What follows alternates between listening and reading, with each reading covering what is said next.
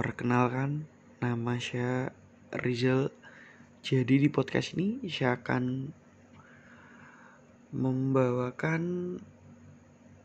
beragam minuman kekinian anak-anak zaman sekarang. Oke. Dari yang pertama, aku akan jelasin Dalgona Coffee. Ya. Dalgona Coffee itu tersusun dari dua lapisan, yaitu susu pada bagian bawah dan foam semacam krim kaku berwarna coklat pucat pada bagian atasnya gitu. Dalgona sendiri itu diambil dari nama permen tradisional khas Korea Selatan. Oleh karena bentuknya mirip, maka minuman olahan kopi tersebut dinamakan Dalgona Coffee.